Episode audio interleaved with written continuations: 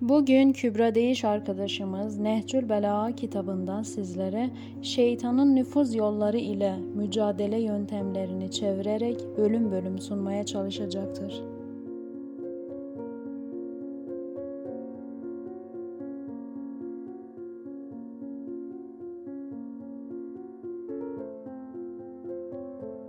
Bismillahirrahmanirrahim. Şeytanın adımlarını izlemeyin. En'am suresi 29. Başka bir yerde de şu şekilde buyuruyor.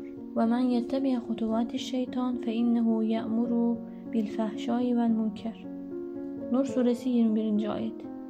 Her kim şeytanın adımlarını izlerse helak olur. Çünkü o insanı kötülüğe ve münkire davet eder. İnsan ilahi hükümlere karşı itinasız olduğunda ve toplumda heva ve heves hakim olduğunda şeytan bunları kullanarak toplumda tefrikaya davet eder, ayrılığa sürükler. Aynı zamanda insanın maddi menfaatlerini ve cahiliye taassubunu da kullanarak yine insanı ayrılığa doğru sürükler. Kur'an-ı Kerim'de de okuduğumuz gibi açıktır ki ihtilaf ateşi toplumda ortaya çıktığında ardından insanın dini ve dünyası helak olur. Tıpkı Sıffin macerasında olduğu gibi ki şeytan burada da bu planı kullanarak aralarında ayrılık ortaya çıkardı.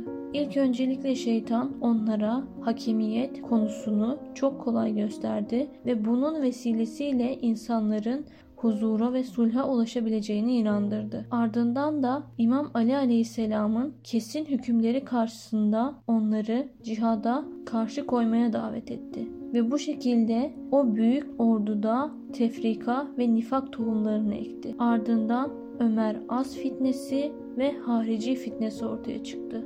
İmam Ali Aleyhisselam ashabına ve yarenlerine karşı şeytanın bu tuzağına düşmemeleri için şöyle buyurdu. Şeytanın vesveselerinden ve hilelerinden yüz çevirin. Nasihati o kimseden kabul edin yani benden kabul edin ki size hediye ediyorum ve onları canlarınızın en gizli köşelerinde en gizli yerlerinde saklayın. Festifu en nezgati ve nefesati ve akbilun nesihe mimmen ehdaha ileykum ve ala enfusikum.